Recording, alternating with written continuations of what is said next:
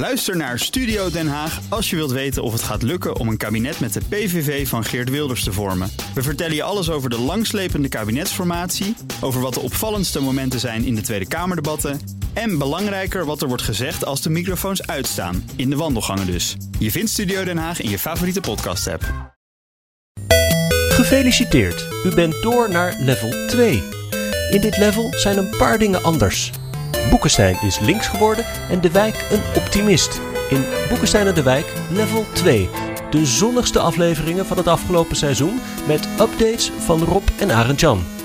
Van Europa tot China en economie tot technologie, Boekenstein en de wijk verkennen de contouren van de post-corona wereldorde.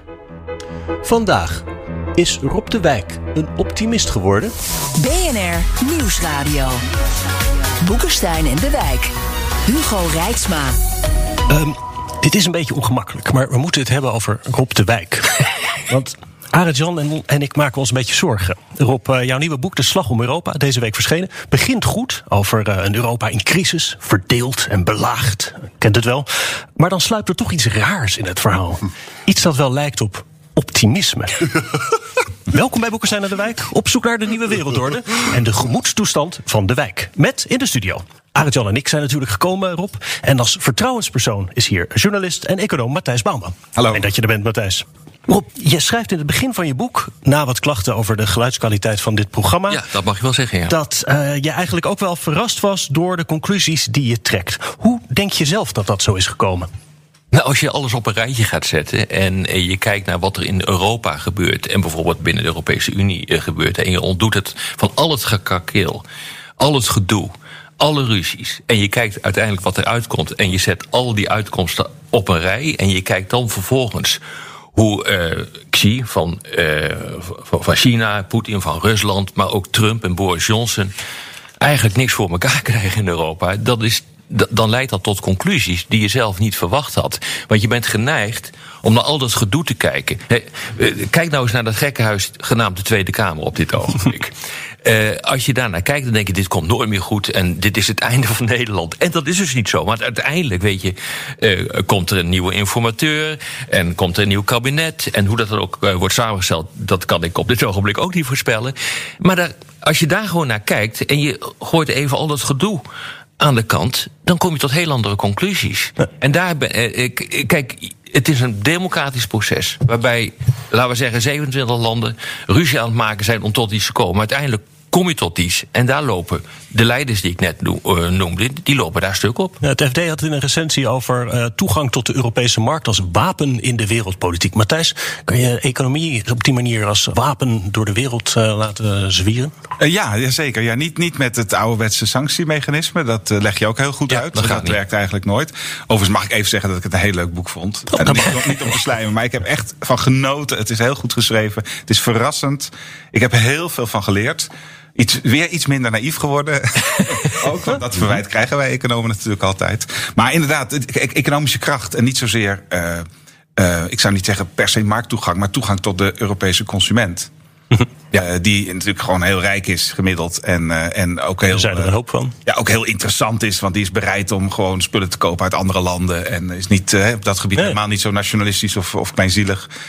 Uh, dat, is, uh, dat is niet een, ik zou het niet zeggen een wapen, maar wel een kracht. Dus uh, vanuit daar, en dat is heel interessant hoe je dat neerzet erop, is, ja, dat, dat, is, dat is waarmee wij de boer op kunnen en wat kunnen terugvragen. En kunnen zeggen, nou je moet ook naar ons luisteren, want. En zolang het duurt, hè? Want ik ben benieuwd of het in de, in de volgende eeuw nog steeds de meest interessante markt zijn. Maar dat zijn we nu wel. Dus dit is een beetje onze window of opportunity. Uh, die nu, dat, wat, dat we nu hebben, als we daar tenminste. En dat, dat, die naïviteit ben ik kwijt. Als we daar dan gebruik van durven te maken. Nou, Arjan, we zitten hier elke week met, uh, met Rob. Dan heb je toch ineens een heel ander verhaal. Hè? Je hebt het boek ook voor je liggen. En hij boren op de wijk hebben we dat ik, moet je, ik moet je zeggen dat ik het ook een heel aardig boek vind. Maar ik moet ook de, de luisteraar even informeren dat uh, Rob nu een pistool tegen mijn slaap had. dus het komt er niet helemaal. Maar wat ik me wel afvraag is dit. Kijk, de, de these is heel leuk. Hè? Hij zegt eigenlijk van, we gaan misschien wel de Europese eeuw in, hè, de 21ste eeuw. Dat is een these die Bergman ook gedaan heeft. En ook Ja. anderen eerder. Tien jaar geleden waren er ook mensen die dat zeiden. En het is ook waar dat, dat wat Rob zegt. Dat, dat als je kijkt dus naar Brexit. Dat is nou niet bepaald een groot succes geworden. En het is zeker zo dat die regelmacht van Europa. Daar hebben we het heel vaak hier over gehad. Dat dat werkelijk heel invloedrijk is. Maar ik heb wel een paar kanttekeningen. En ik hoop dat eh, Rob me dat toestaat. Nou, nee. En het eerste is, mee. dat een, eh, is het voldoende om een regelgemeenschap te zijn, eh, om ook echt de Europese eeuw te krijgen? In de geschiedenis zijn er niet zoveel voorbeelden van hegemonen die alleen maar regelmacht hadden. Je hebt er ook militaire macht voor nodig. Rob zegt ook van hij wil ook op, op dat gebied wil hij stappen zetten. Eh, verder, het is natuurlijk ook zo. Eigenlijk wordt het pas de Europese eeuw als dus die regelmacht moet blijven bestaan, die moet worden uitgebouwd. Maar de euro moet verduurzaamd worden. Ja. En die, en die schuldenproblematiek moet worden opgelost. En als dat niet gebeurt, en trouwens ook de problemen met Oost-Europa en met de normen en waarden, al die dingen moeten we dan wel echt oplossen. Want anders gaat het alsnog fout. Hè? Ja, maar je hebt ook eh, in belangrijke mate gelijk, eh Arend Jan. Eh, dat vind ik namelijk ook wel. Ik heb ook gezegd, ik geef hem, die Max Bergman, die heb ik inderdaad geciteerd. Ik geef hem ook voorzichtig gelijk. Het zou kunnen. Die Maar kijk, over de Europese eeuw sprak. Ja, die zei van de 21ste eeuw zou wel eens een keer de eeuw van Europa kunnen worden. En kijk, een hele belangrijke reden om tot die conclusie te komen is dat militaire macht verliest een traditionele functie. Eh, we gaan eigenlijk terug naar de Koude Oorlog, waar het niet gebruiken van militaire macht het succes van legers bepaalt. Het is gewoon afschrikking, omdat de belangrijkste spelers waar het nu om draait, eh, die hebben allemaal kernwapens. En dan is het niet echt handig om met elkaar militair op de vuist te gaan. Je hebt maar twee smaken, zoals je weet, eh, in de internationale betrekkingen om macht uit te oefenen. Dat is economische macht en dat is militaire macht. Degene die het handigst met economische macht omgaat, en dat doet op dit ogenblik de Europese Unie, die kan dat pleit winnen. En het meest interessante is de toegang tot de interne markt, waar we het net over hadden. Die leidt ertoe dat er regels komen. En die regels krijgen steeds meer een mondiale uitstraling. En hoe groot die macht is, eh, vind ik fantastisch eh, eh, zichtbaar. In bijvoorbeeld die nieuwe wetgeving eh, van de Europese Unie, waarbij Amerikaanse techbedrijven feitelijk gewoon kunnen worden opgesplitst. Dan moet je dus nagaan dat dus de Europese Commissie in staat is om, laten we zeggen, ehm, Facebook op te splitsen. En eh, zeg van als jullie niet doen wat wij zeggen, eh, eh, je haalt de content, onwelgevallige content haal je niet eh, van je platform af, of je bevoordeelt alleen je eigen partners op jouw eigen platform, dat pikken we niet.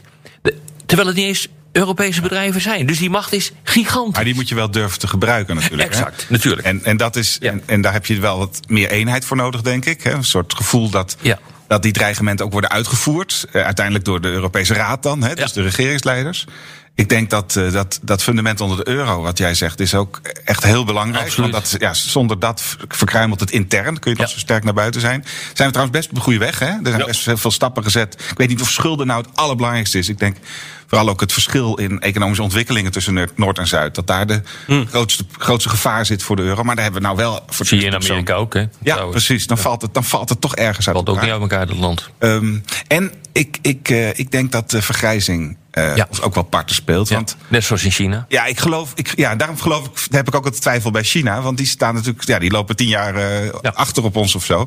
Maar ik, het zou ook voor het eerst zijn dat er een, een land eh, of een gebied heel belangrijk wordt in de wereld terwijl het vergrijst. En terwijl het ja. Ja. eigenlijk uit allemaal chagrijnige klopt. oude zeurpieten bestaat. Ja, daar komt het dan wel op neer. Kunnen we nog even verder naar het punt van die euro kijken? Want Rob, jij schrijft daar ook over, de, de macht van de dollar natuurlijk. Mhm. En hoe volgens mij ook zo'n zo'n, eh, ontzettend optimisme de euro een wereldmunt zou kunnen worden. Uh, Matthijs, is de euro al zo goed gestut dat hij eh, verder kan groeien Nou ja. naar zo'n belangrijke rol in de wereld? Nou, dat, het blijkt steeds van niet. Hè. In, in- in eerste instantie was, eh, heeft, heeft de ECB en zo hebben ook continu gezegd: wij willen geen wereldmunt worden. Hè. Dat was in het begin continu het praatje, want ze waren bang om de Amerikanen tegen de borst eh, te Maar nu stoten. wel? Nu is- langzamerhand willen ze het wel. Maar sinds de eurocrisis zie je dat het gebruik van de euro in internationale transacties eigenlijk niet meer is eh, gestegen. Eerder is gedaald ten faveur van de, de dollar weer. Dus dan moet er wel weer echt iets gebeuren. En ja, Amerika maakt het ons wel makkelijk natuurlijk. Met continu sancties via het bankensysteem. Wat eigenlijk heel veel landen in de- misschien wel in de armen van de euro drukt. Hm. Maar de euro is nog niet zo heel bruikbaar internationaal. Is nog niet de, super asset die iedereen wil hebben. Je wil er wel aan uitlenen. Dus je wil wel euro-obligaties hebben. Maar echt maar de euro gebruiken in het, in, in het handelsverkeer. Maar dan, mij dan zou eh, de euro ook, eh, laten we zeggen, de kern moeten zijn van eh, Europese schulden. ja. En ehm, dan ga je dus een vergelijking kunnen trekken met, eh, met de Verenigde Staten. Precies. En wat er natuurlijk, en daarom heb ik ook gezegd van ja, je ziet stap voor stap dat dat verder gaat en dat die macht groter wordt. Wat er vorig jaar is gebeurd tijdens de juli-top.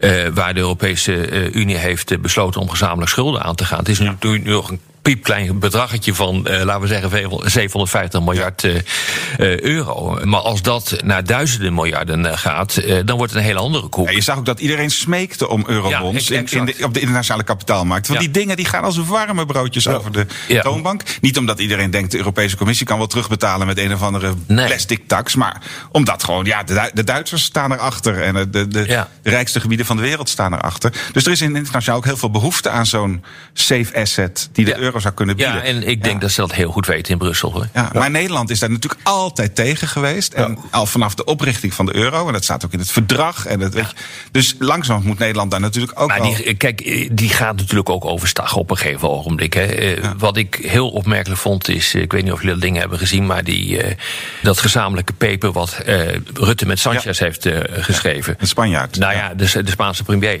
Nou ja, als je dat gewoon bekijkt en je ziet welke maatregelen daarin worden genomen om van eh, Europa, de Europese Unie, een veel meer autonome speler eh, te maken. Ja, het past precies in mijn boek. Ja. Ik bedoel, het, het het is gewoon een volgende stap. Maar het stond niet in het VVD-verkiezingsprogramma. Nou ja, dat is natuurlijk het hele idiote hiervan. Maar daar staat alweer niet in. Ja, ja, dat is natuurlijk het idiote hiervan. Ja. Ja. Ja, maar even dat punt wat jij noemde, eh, Matthijs, van die ongelijkheid eh, in, eh, binnen Europa. Hè? Die Mundell, de man van de, zeg maar de, zeg maar de uitvinder van de euro, die er veel over geschreven heeft, over optimale muntig areas, hè? die is ons ontvallen. Ja, op eerste hè? paasdag. Ja. Op eerste paasdag. 88, dus het was niet een heel groot Ja. drama. En, en ik herlas dat nog een beetje. En eh, Mundell op een gegeven moment maakt ook de opmerking van... eigenlijk is Amerika zelf een nog slechter optimaal currency area... dan de Europese Unie. Interessant, hè? Dat betekent dus dat Amerika zeer ongelijk... heeft toch een gemeenschappelijke munt. Nou, natuurlijk, eh, Europa is ook heel ongelijk... en je kan best ook heel pessimistisch zijn... over dat Zuid-Italië ooit tot bloei komt. Hè? Maar dan nog is het zo dat schuldendeling mogelijk zou zijn om het toch stabiel te houden. En dan nog is het zo, zoals Matthijs zegt, dat er ongelooflijk veel liquiditeit in de Europese kapitaalmarkt zit. Hè? Mensen willen gewoon dat. En het, is grappig, als we daar nu toch naartoe zouden gaan, dan is dat dus volkomen in strijd met wat onze Nederlandse eh, elite wilde. Nou ja, ja, ja, Ja, nee, maar, uiteindelijk maar wel, Jan, als je gewoon kijkt wat er vorig jaar is gebeurd, hebben we toch gewoon eigenlijk alles verloren wat er maar te verliezen valt. Ja. Ja. Eh, in opmaat naar die top van jullie, die ik ook eh, historisch noem in, Ja. in, het, in het boek. En dat is hij volgens mij ook. Ja. Hoewel ik niet zo van dat woord eh, hou, maar. Eh, we, we waren tegen gezamenlijke schulden, we waren tegen giften aan de zuidelijke landen, we waren tegen gezamenlijke belastingen. Dat komt er allemaal wel. En daarmee ben je dus wel ja, eigenlijk een, een grens overgestoken eh, die in een heel nieuw gebied eh, brengt. En dat hebben we natuurlijk ook gedaan na de financiële crisis van tien jaar geleden. Toen zijn we ook een, een nieuw gebied ingegaan met, met de bescherming van banken en gaan zo maar door. Maar het jammer is dat we dat dan doen, dus zonder het echt zo te noemen. Ja. En dat betekent dat het altijd weer een soort, ja, soort schimmige schaduw-eurobond wordt. En, eh, en het noodfonds is eigenlijk een ministerie van Financiën, maar we noemen het niet zo. En de, dus dat, dat is het jammer. Dus de- ergens erodeert er ook iets van de kwaliteit van, Ja. van de instituties op die manier. Nou ja, het gebeurt wel. Ja. Alleen dan eh, moet dat het is maar natuurlijk zo. met die politici eh, die, die dat niet durven te zeggen. Maar als je dus echt kijkt wat er aan de hand is, is het tamelijk revolutionair. Alleen men wil het op die manier niet verkopen. Maar, maar Rob, een Ja. vraag. Hè, van, jouw these is eigenlijk die regelgemeenschap. Hè, dat, en dat, Ja. dat, is ook, dat vind ik ook heel interessant van het boek. En dat is ook waar. Dat is heel belangrijk. Hè. Nou, als het om die regelgemeenschap gaat. eh, en, en een gemeenschappelijke markt. dan is het prima als de Chinezen hier ook producten verkopen. als ze zich maar aan onze standaarden Ja, houden. klopt. Hè. Ja. Maar nou, maar nou een vraag waar ik aan zat te denken gisteravond. toen ik het nog eens een beetje zat te lezen. van... Oké, het gaat dus om een regelgemeenschap en een gemeenschappelijke markt. De Chinezen hebben zelf 1,4 miljard consumenten. En ze hebben een, geweldige gemeenschappelijke markt. Ze zijn ook bezig om dat groter te maken. Ja. Nou, op basis van het getal zou je kunnen voorspellen... dat zij natuurlijk ook heel goed begrijpen... dat zij standaarden moeten gaan zetten.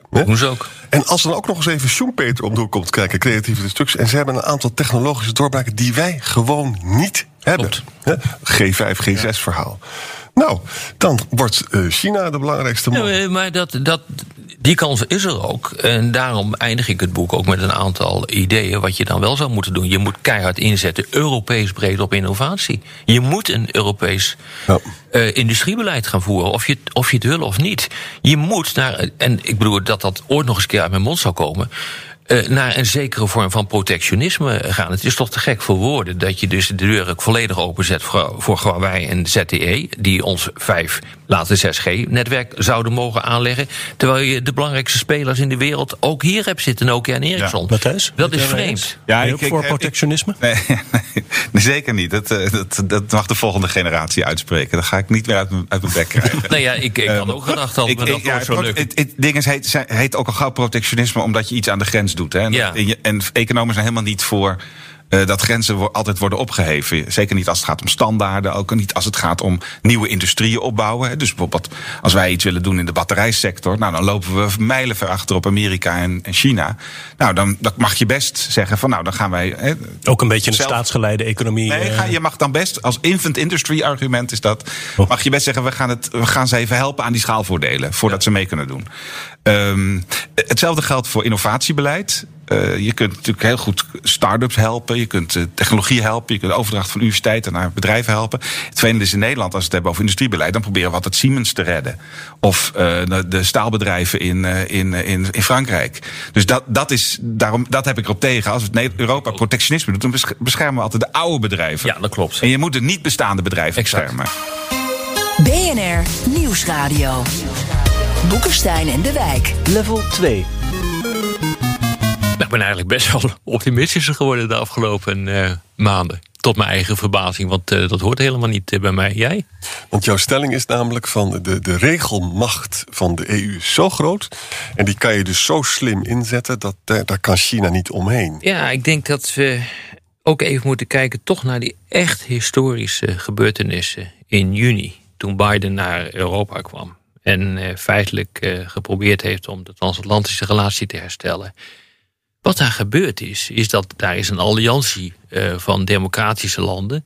Is daar gevormd. Precies wat ik heb voorgesteld, ook in het boek, dat dat zou moeten gaan gebeuren. Weet je, het, dat soort dingen, dat is niet een kwestie van voorspellen, maar dat gaat gewoon gebeuren. Als een land als China opkomt, dan gaat de rest van de wereld, die daar weinig van moet hebben, die gaat samenwerken. En dat is precies wat er gebeurd is in, eh, in juni in, eh, in het Verenigd Koninkrijk, maar ook in Brussel. Ja. Ehm, wat ook echt een enorme doorbraak is geweest, is dat er een mondiale belasting komt voor techbedrijven. Ja. Hè, eh, 15% over de winst die ze in Londen eh, eh, boeken. Het is nu al zo dat 130 landen zich daarachter hebben, hebben geschaard. Dus de impact daarvan is enorm groot. Er wordt nu nagedacht over een techpact, een, een, een, een, een technologische samenwerking tussen Europa en de Verenigde Staten. Dus je ziet nu hè, dat, die, eh, dat vanuit machtspolitiek perspectief, ja, dat, die, dat er enorme stappen worden gemaakt. Kijk, waar dat, waar dat eindigt weten we natuurlijk niet. Maar het gebeurt ondertussen wel. Er zijn helaas geen garanties. Hè? Nee. Kijk, eh, de, de interdependentie heeft de Krim niet voorkomen, zei je in een eerdere podcast, wat natuurlijk heel erg waar is. Ze heeft ook trouwens de Eerste Wereldoorlog niet voorkomen. Het was een waanzinnig interdependent. En we zien dus nu ook bij China zelf toch ontzettend belligerente taal, eh, ook recent weer. Dus, dus mensen hebben toch de neiging om dan zich niet te laten matigen door de interdependentie. Hè? Klopt. En, en, en, en het kapot te maken met elkaar. Ja, klopt. Maar wat je dus ziet is dat, dat de confrontatie die wordt harder. Dat is volstrekt logisch dat dat gaat gebeuren. Ja. Ehm, we hebben confrontaties in de Zwarte Zee met oorlogsschepen waarbij Nederland ook betrokken is geweest. Dat is volstrekt logisch dat dat gaat gebeuren. Daar krijgen we gewoon veel meer van dit soort gedoe krijgen we in, eh, in de toekomst. Ja, en, en, en de grote vraag is natuurlijk hoe dat, hoe dat uitwerkt uiteindelijk eh, op een land als China. Ja. Want eh, China heeft één groot probleem, namelijk ze houden niet van bondgenootschappen. Ja. En ze zien de anderen als barbaren. Ze zoeken Ja. dus ook geen samenwerking. En ze hebben altijd dat oude verhaal. Ja, maar we werken aan de wereldvrede en zo. En dat verhaal, dat klopt niet meer. Nee, dat begint dus te schuiven. En Ja. dat wordt dus wel echt, ja, dat wordt echt op, eh, opgemerkt in de rest eh, van de wereld. Eh, en wat dat uiteindelijk voor China doet, nou, ik denk dat dat ook redelijk voorspelbaar is. Het zal leiden tot een groeivertraging, dat kan niet anders. Ja. Eh, want eh, het leidt tot fricties. Ja. Eh, of dat nou in de Zuid-Chinese Zee is, of rond Taiwan, of rond grondstoffen in Afrika. Het leidt tot fricties. Dat gaat altijd ten koste van, van je economie. Zeker in China. En wat ik ook zo zorgwekkend vind erop, er staat een ontzettend mooi stuk in The Economist van deze week. Of eigenlijk moet ik, kan ik beter zeggen van The Economist dus van juni. Hè? Of sorry, van juli. Hè? De, en waar, dat gaat over boeken die nog moeten uitkomen. Er schijnen dus binnen die communistische partij echt wel facties te zijn. Hè? Ja. Het is allemaal niet zo gezellig met, met Xi. En dat betekent dus dat Xi heeft buitenlandse politieke successen nodig om die machtspositie te Maar die krijgt het niet, die buitenlands politieke succes. Exact. Op dit ogenblik. Want als het Westen echt gaat samenwerken met een paar landen in de Indo-Pacific, zoals dat tegenwoordig heet, nou ja, tegenwoordig ook al jaren. En eh, dan is de grote vraag in welk kamp India nu eigenlijk zit. Ja. En dat is voor bijvoorbeeld voor Rusland een heel groot probleem. Want eh, India die werd altijd door Rusland tot het Russisch kamp eh, gerekend. Maar in, in juni, in, tijdens de G7-top, zat India gezellig aan tafel. Ja. En wat wordt dus nu tot het westerse kamp gerekend. En dat heeft alleen maar wat te maken met de aversie die de Indiërs hebben ten opzichte van de Chinezen. Dus eh, ik denk dat, eh, dat, dat de Chinezen eh, behoorlijk zenuwachtig zijn geworden. Net zoals de Russen over wat er, Ja. wat er gebeurd is. Dat is niet alleen maar goed nieuws hoor. Want ik moet eerlijk zeggen. als je dus naar die dynamiek kijkt, dan leidt dat gewoon per definitie tot gedoe. En ik hou niet, ik, ik hou niet zo van gedoe in de internationale betrekkingen. Want dat betekent niet. namelijk gewoon altijd conflicten en altijd risico's op, op verkeerde inschattingen, waardoor er een militaire confrontatie. Ik hou daar persoonlijk niet van, maar ik weet alleen dat het zo werkt. Ik ben ontzettend bang dat. eh, kijk, militair kunnen ze natuurlijk Taiwan innemen als ze zouden willen. Ja. En wij gaan ook niet gelijk daarop losbeuken. Dan hebben ze overigens ook de chips. Hè? Dan hebben ze de chips ook. Die zitten in Taiwan. En dan, dus ze hebben eigenlijk heel veel reden om dat wel te doen. Eh, ik zie, praat het openlijk over. Eh, ze hebben vreselijk die conductors, semiconductors nodig. Hè? Maar dan zitten jij en ik wel een beetje glazen naar de tv te Ja, kijken. maar dan is de grote vraag of die eh, fabrieken ongeschonden eh, door de annexatie komen. Ja, dat is natuurlijk ook waar. Wat je, wat je ziet daar, Jan, is dat, dat, dat die regelmacht gewoon versterkt is. Ja. En eh, dat gaat alleen maar door. Kijk, wat, er, wat er gebeurd is bijvoorbeeld, er is dus eh, een hele discussie ontstaan hoe Europa onafhankelijker kan worden. Ik heb in mijn boek dat ook aangegeven. Europese strategische autonomie op militair gebied en eh, economisch gebied. Nou, dat is eigenlijk alleen maar in een hogere versnelling eh, eh, gekomen. Ja.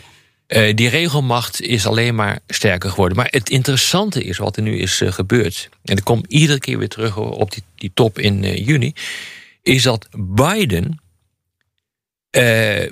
met zijn hele idee van Build Back a Better World. een koers is ingeslagen die heel erg Europees is. Ja. Als je goed, goed kijkt naar die communiqués van de G7, maar ook van de Britten eh, met Amerika en de EU met Amerika, dan moet je constateren dat het standaarden, regels, dat is de kern van de hele zaak. Dus Europese Dus, van dus, dus nu zie je een, heb je een Amerikaanse president Ja. die interessant genoeg probeert om Europa Ja. in te halen op het gebied van regels. Nou, als, als, als dat beklijft en de Amerikanen met de Europeanen dit gaan doen, ja, dan weet je, dan heb je gewoon de boel in handen. En dat is precies waar, waar Biden eh, naar streeft, denk ik. Maar het is de vraag of dat genoeg is. Ik denk dat we dus niet alleen regelmacht, maar ook een, de juiste mix met militaire druk. Om te proberen China te matigen. En that's the big question. Ja, maar hoe je dat moet doen, ik, dat, is, ja, dat is de vraag. En daar hebben we nog niet echt een oplossing. niet.